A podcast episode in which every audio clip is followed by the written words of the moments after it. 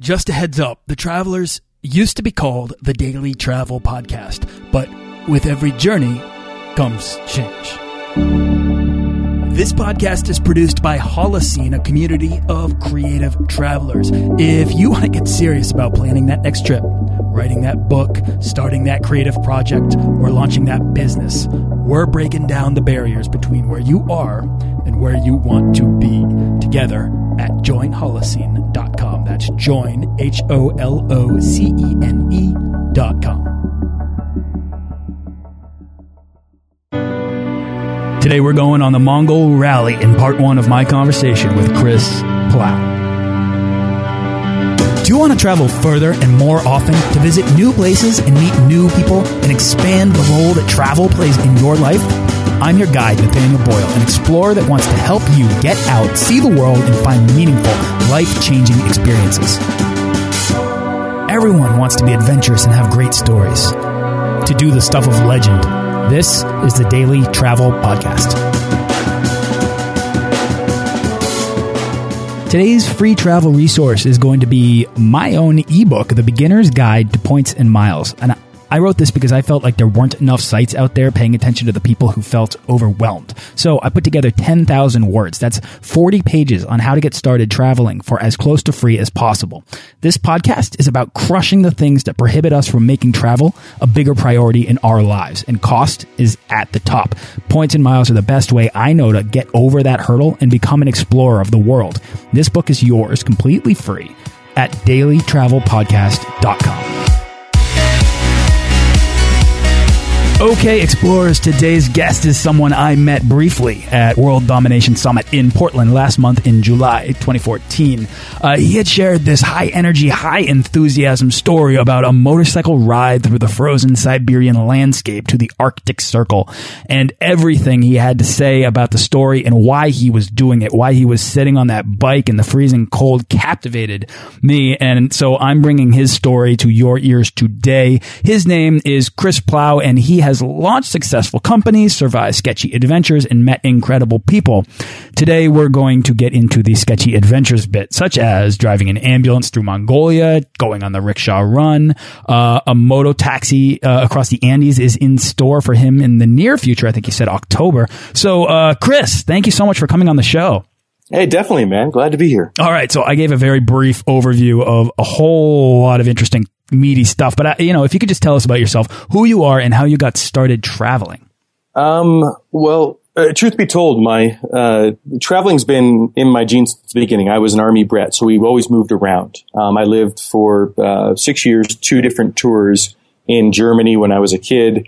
So travel to me has always been available and and was was never a hindrance. The adventure part started later on and was was prompted by some some real difficulties in my life. Um, the uh, the loss of uh, I don't know what direction you want to go in, but to, just to be Go true, ahead. the, Yeah. the loss of my parents and uh, and some, several other events in my life kind of led me to this point where I I was looking for a way to run away. I I, I just I wasn't happy with where I was, and I wanted to get out and do something completely different. And so I, I signed up for the Mongol Rally. That's where I drove the ambulance um, from the UK to Mongolia by way of you know most of Western and Eastern Europe, uh, as well as through Russia. All right. So where were you then before that? This is such a big thing. Uh, both both sides of that of that paradigm right there are enormous things. Where were you that you weren't satisfied, and what you know what was what was sort of making you unhappy on your day to day basis, and what was it about who you were at that point that gave you that, that that allowed you to hear this sort of call for adventure?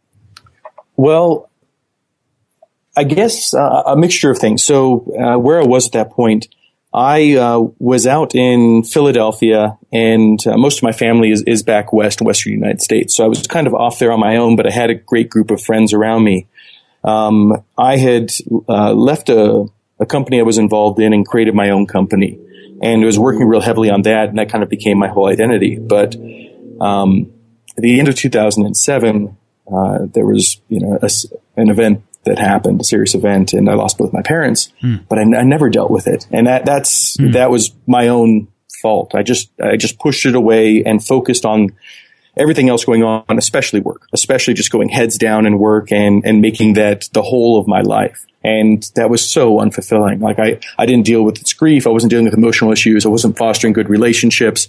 And I, um, my health was just going downhill. Right. Yeah. Uh, so I got to a point of, of burnout and, and to be honest, I was making some really sketchy decisions in my life. Um, and just, you know, doing things because I didn't necessarily care about the consequences. Sketchy meaning, um, uh, a, a, bit dangerous, a bit, bit risque. So I, uh, totaled a motorcycle, uh, late the following year and, uh, didn't have health insurance or anything like that. And, uh, kind of walked away from, from that and continued to do things that were a bit, um, haphazard just to, you know, uh, not caring about the outcome for myself. Was there a point in, in all of this, and it sounds almost as if it was a downward trajectory, was there a point in which you sort of caught yourself or you recognized that you needed to make a conscious change? Uh, it was somewhat unconscious, but I, I, just reached for the opportunity. So I was having a Halloween party, and, and a good friend of mine was there, uh, Bob, and he told me about these crazy people who go out and they um, you know, they, they drive vehicles, crappy vehicles from the UK to Mongolia, 10,000 miles. And the Mongol Rally. The Mongol Rally, exactly. And, and, you know, he told me this stuff because I was, you know, known for being a bit of a, a wild child. And especially at that point in my life where I was doing just things without a lot of regard. And so that's how that story came in. And it was a seed that planted. And I was like, yeah, someday, you know, I'll, I'll get to it when I've got enough money, when all these problems of my life have been solved, etc but it, it just kept itching away at my brain. And I decided, why not? You know, what have I got to lose? So, um, you know, I started preparing. It took about 10 months, uh, to go on this. And at the time, I thought I was just going on an adventure. I thought, okay, I'm just going to do this and I'm going to have a good time and it's going to be a bit of a break.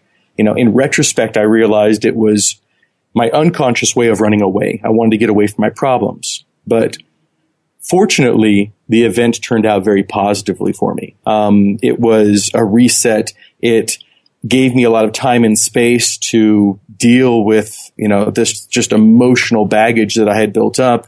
It showed me that, that it was possible to go out there and, and have these adventures and, and make them a part of life and still come back and reintegrate the re- lessons that I learned into normal life um, so for me, it was an absolute inflection point, uh, and I'm so glad that I did it. Well, was the normalcy of travel at a young age, uh, having been an army brat, uh, did that sort of give you the not just the, the comfort, but the desire to do more adventurous things? Well, it, it, made it took away one barrier. So, so travel for me wasn't an issue. Um, but I was also brought up just in a very independent way, you know, being able to take care of myself and and being responsible for myself. So I've always had this feeling that, you know, if something happens, I have the ability to adapt and, and be flexible and work with it. So, um, I get nervous and, and I have fear and, and anxieties and, and everything like, like, just like everybody else. Um, but if, if it comes push to shove and, and something fairly traumatic happens, I can buckle down and I can get myself through it. And I've got that confidence. And so you know, kind of going into the unknown. I, I, had no idea what to expect in this adventure. I really didn't, but I knew I could be flexible. And I think that that was my best asset because when you're going into just a, a, a black abyss where you don't know what's there, um, you just have to be able to adapt to situations. So it made it easier, but I don't think it's um, it's an inherent skill that makes me different from anybody else. I think that these are all learnable traits, and they're they're they're ones that you build yeah. up over time. Yeah, absolutely, and they can be learned uh, from small experiences in your backyard. You don't need to go oh, and do the Mongol rally, right? hundred percent. Yeah. And, and, sorry to break in, but no, I, please. I, I, I, love this point because, you know, I go on some of these adventures and they have, you know, gotten more serious over time, like, like the last one to Siberia. And, and people come up to me and say, you know, that's great. I can never do that. And that's, that's fine. Maybe you can't at this point, but I look at it like adventure and risk taking and expanding your comfort zone. I look at these in relative terms, not absolute terms. And what I mean by that is, you know, yes. somebody taking a cross country trip across America could be as much of a push against their comfort zone as my trip to Mongolia. It's just about life experiences and they are absolutely equal. One's not better than another.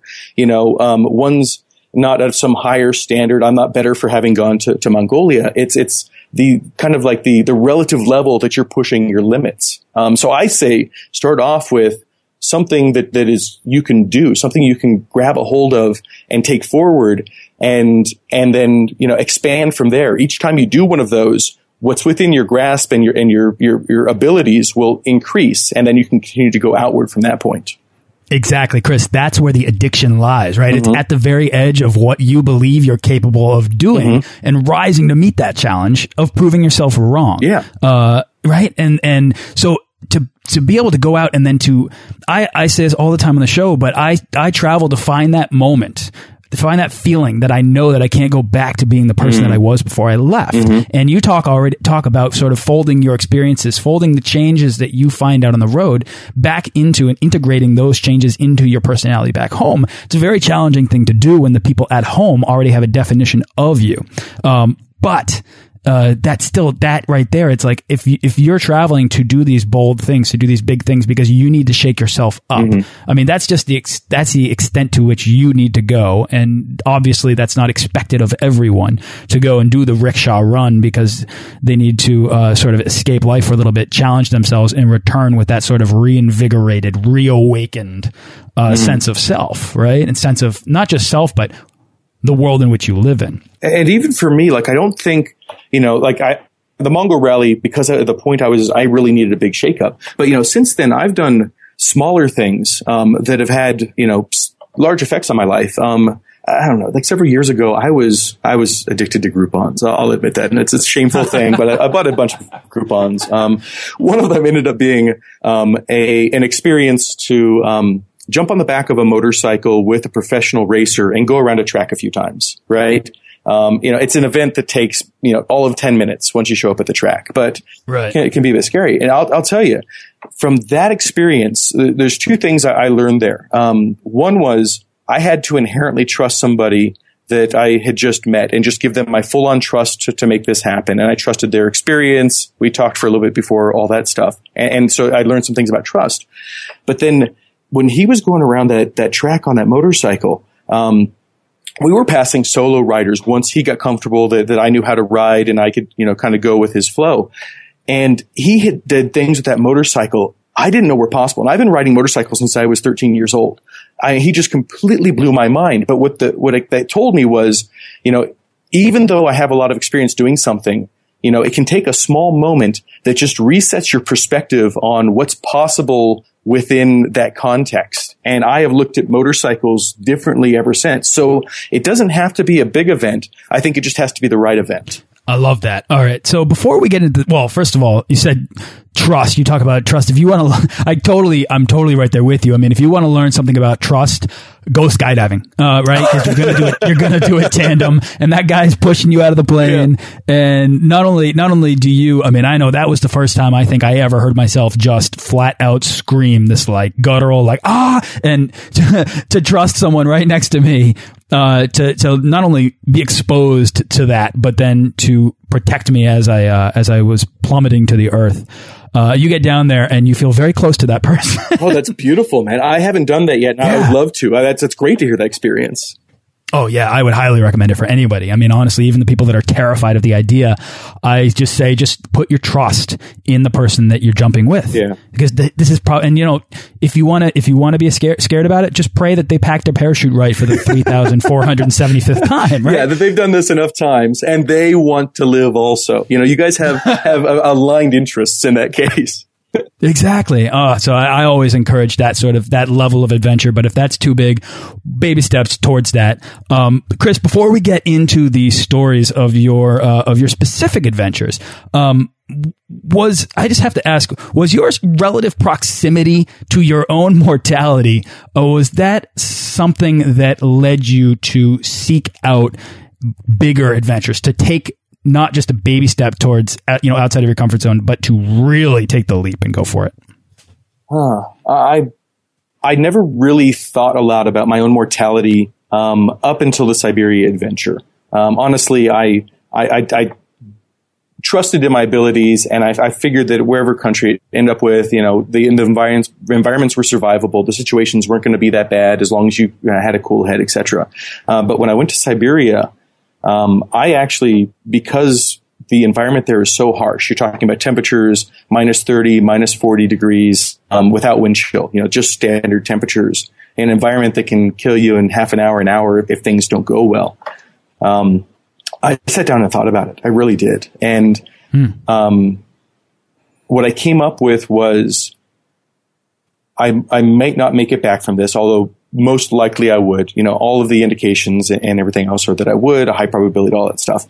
But even if I didn't, even if for some reason something went wrong, I wanted this experience enough that it was worth it for me to to go anyways. So I, I, I truly came to terms with okay, do I still want to do this given full reflection onto my own mortality? And, and that was a different experience for me. And I'm really glad that I did it because it's made me more comfortable with, with possibilities and also understanding my boundaries because there are things I don't want to do. You know, I won't go out there and do just anything. I, I make sure I've got the skills and I assess risks and I look at things pragmatically before I just jump into it. Um, and, and now I have a better tool set for doing that.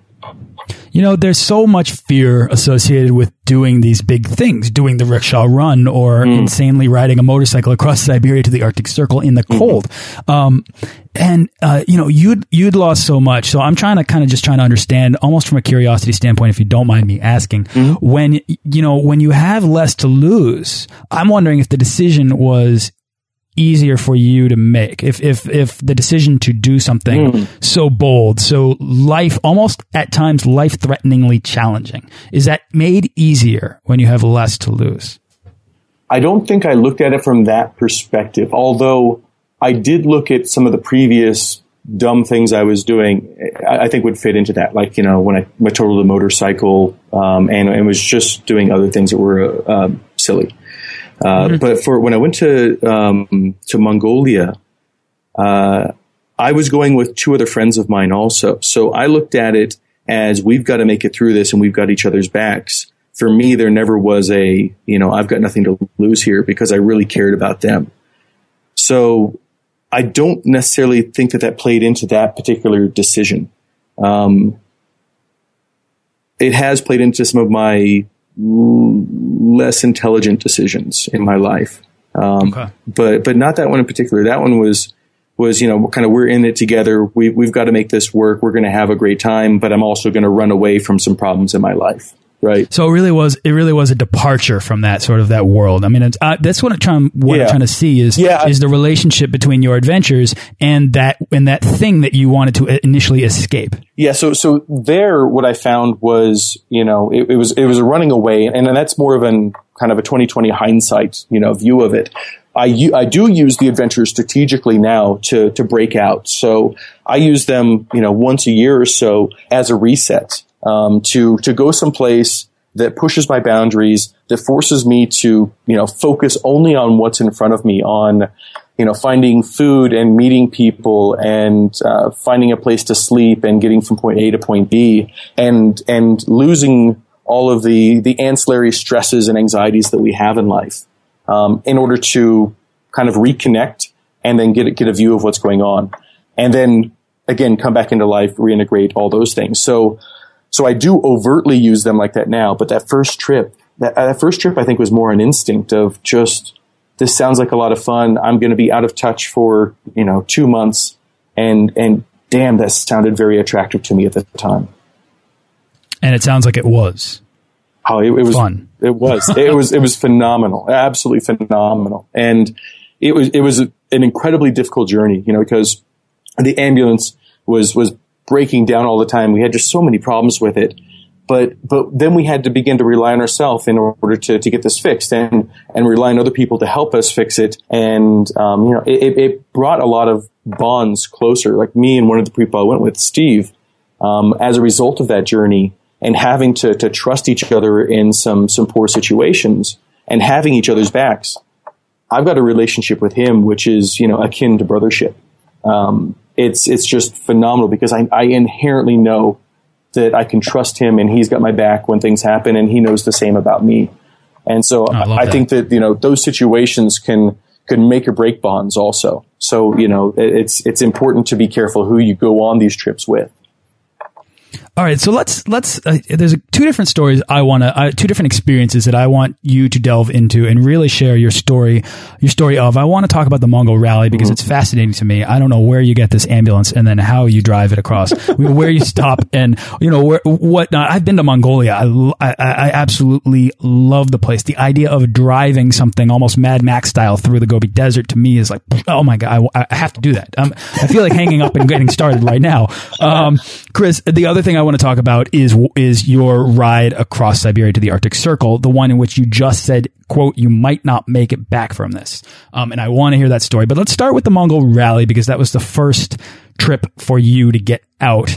Um, tell me first of all, how do you end up in sitting in the front seat of an ambulance, and then tell and then tell us where you go? Well, I, I guess to be a hundred percent honest, there, uh, I've ended up in the front seat of two ambulances. So, um, I, I, I went on eBay here in the U.S. I found an ambulance out of Minnesota uh, that had just been retired based off of a Ford E350 frame, you know, diesel engine, all you know, heavy, heavy duty ambulance, but also big American ambulance, right? Um, and it was perfect. So I, I bought that.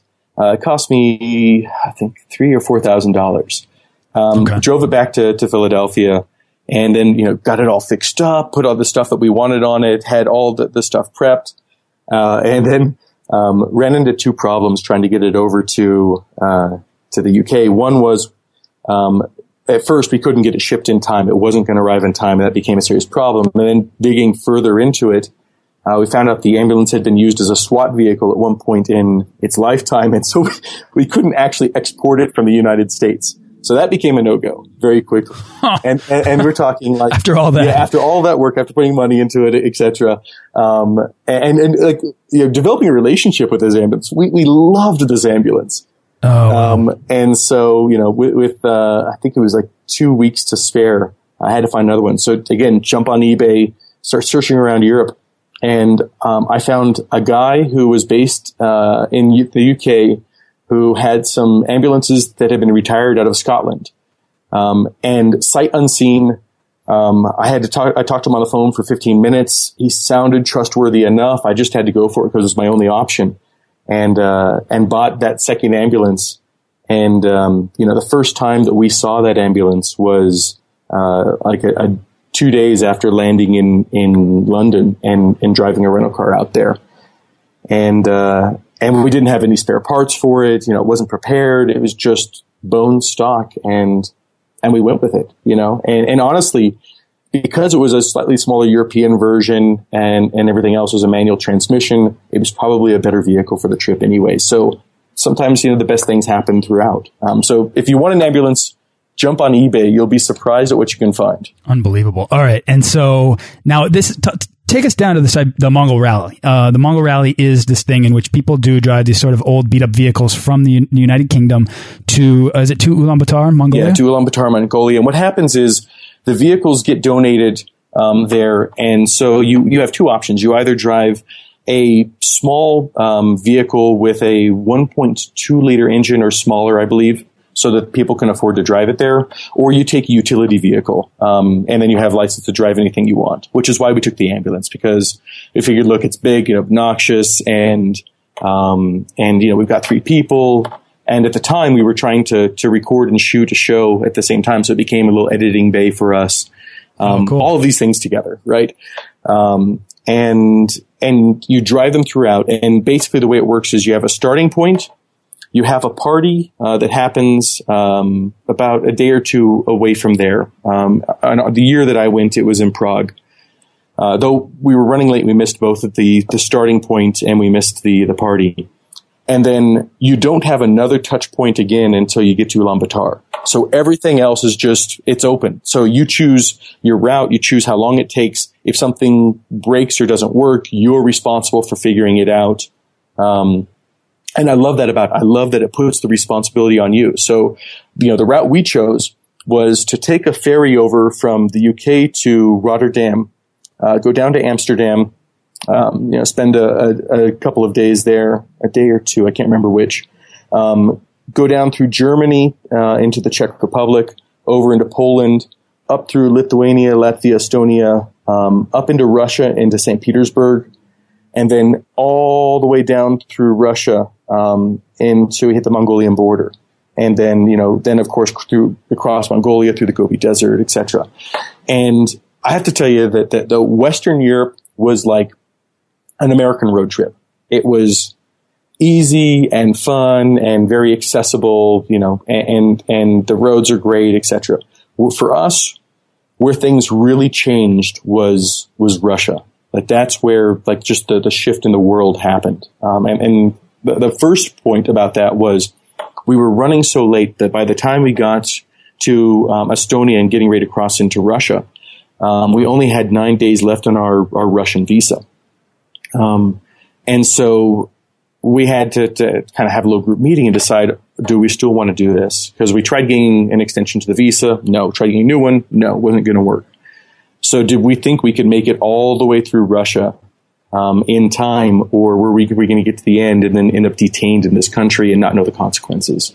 Um, and so that was a serious moment. We, we sat down and pondered that. Do we think we could? I, um, I was willing to take because I, I, knew that we could make this happen based off of the experiences we had before and how many miles we had to go. Sure, no problem. It'll it'll all work out.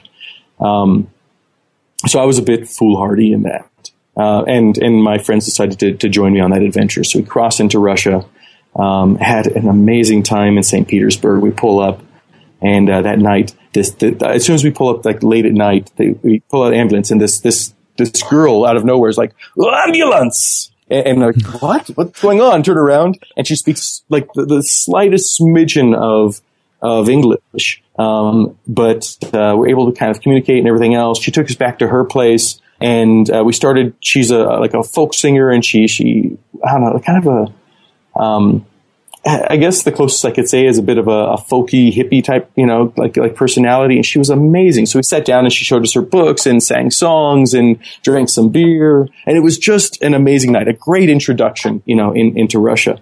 Um, Absolutely.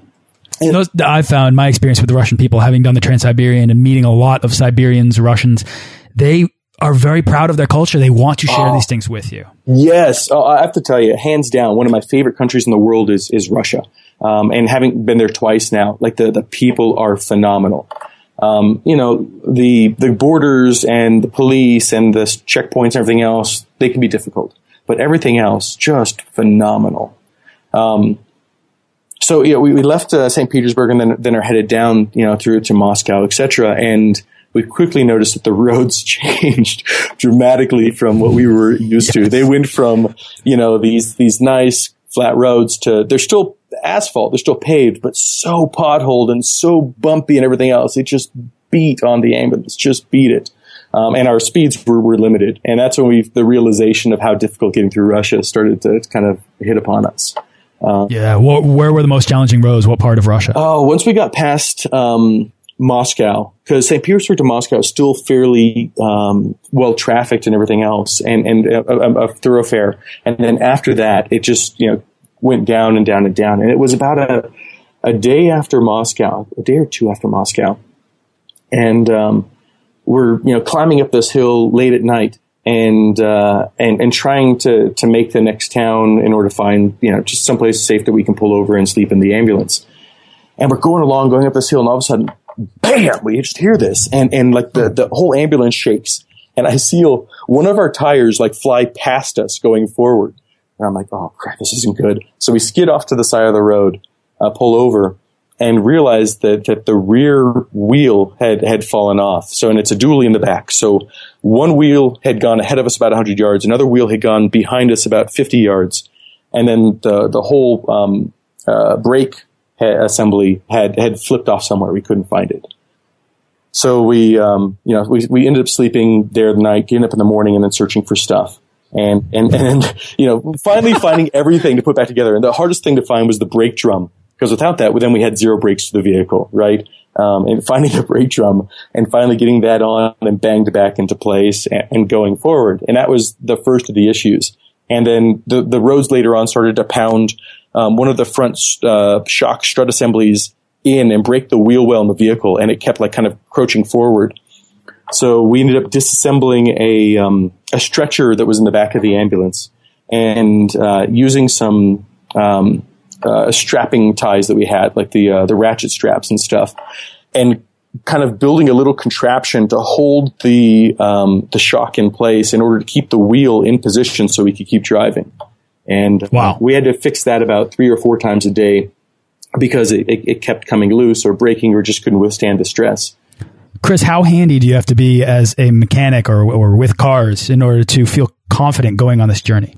I, well, I've met people who've done both. So I'm very competent with them and also, you know, just the whole kind of like fix it, find some way to, to, to make it work, you know, farmyard, um, mechanic.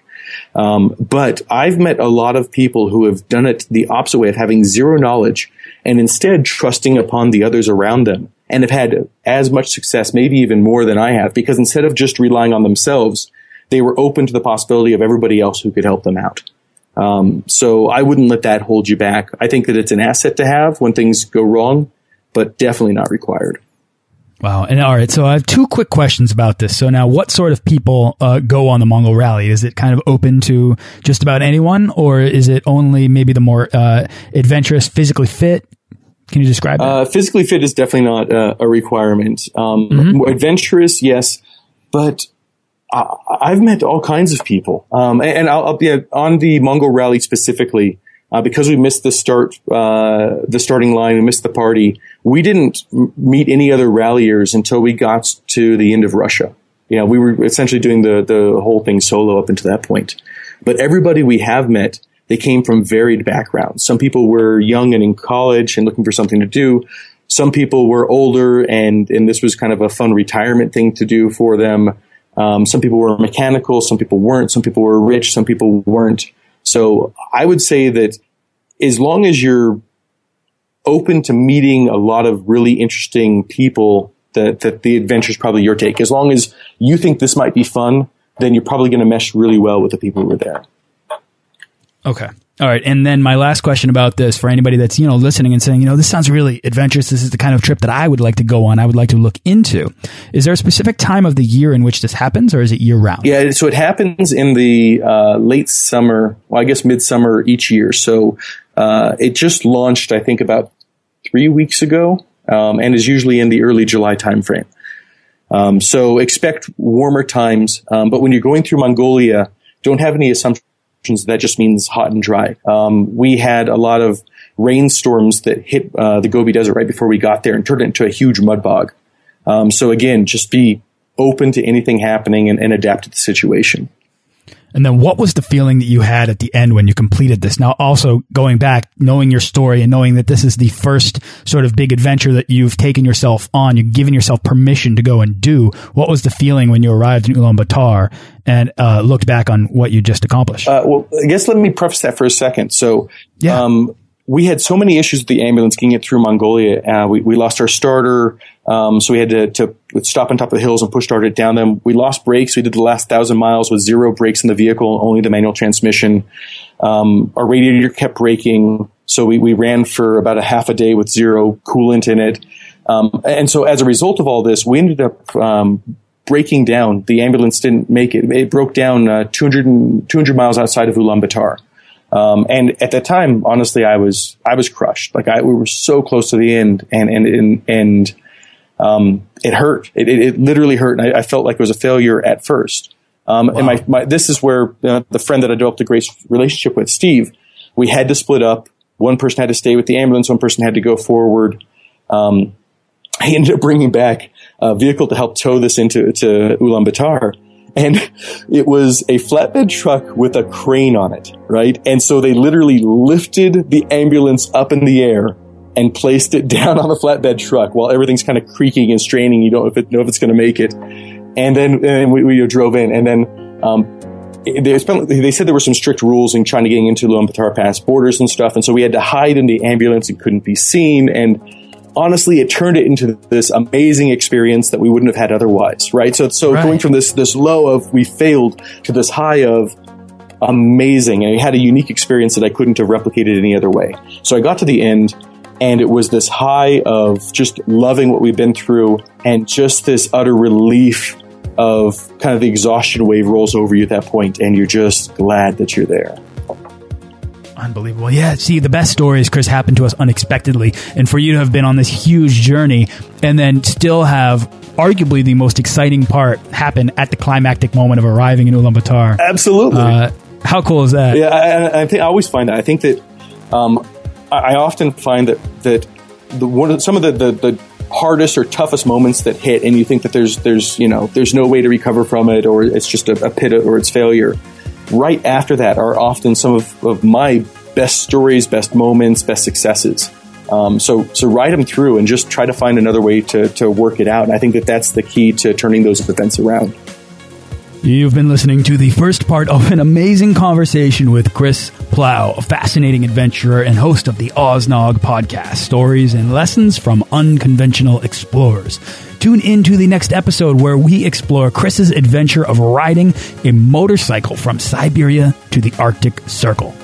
Thanks for listening to this episode of the Daily Travel Podcast. For show notes and links to everything in this episode and more, head on over to dailytravelpodcast.com. Join our Facebook page of explorers and subscribe to our newsletter for the best deals and resources to help make your next trip life changing.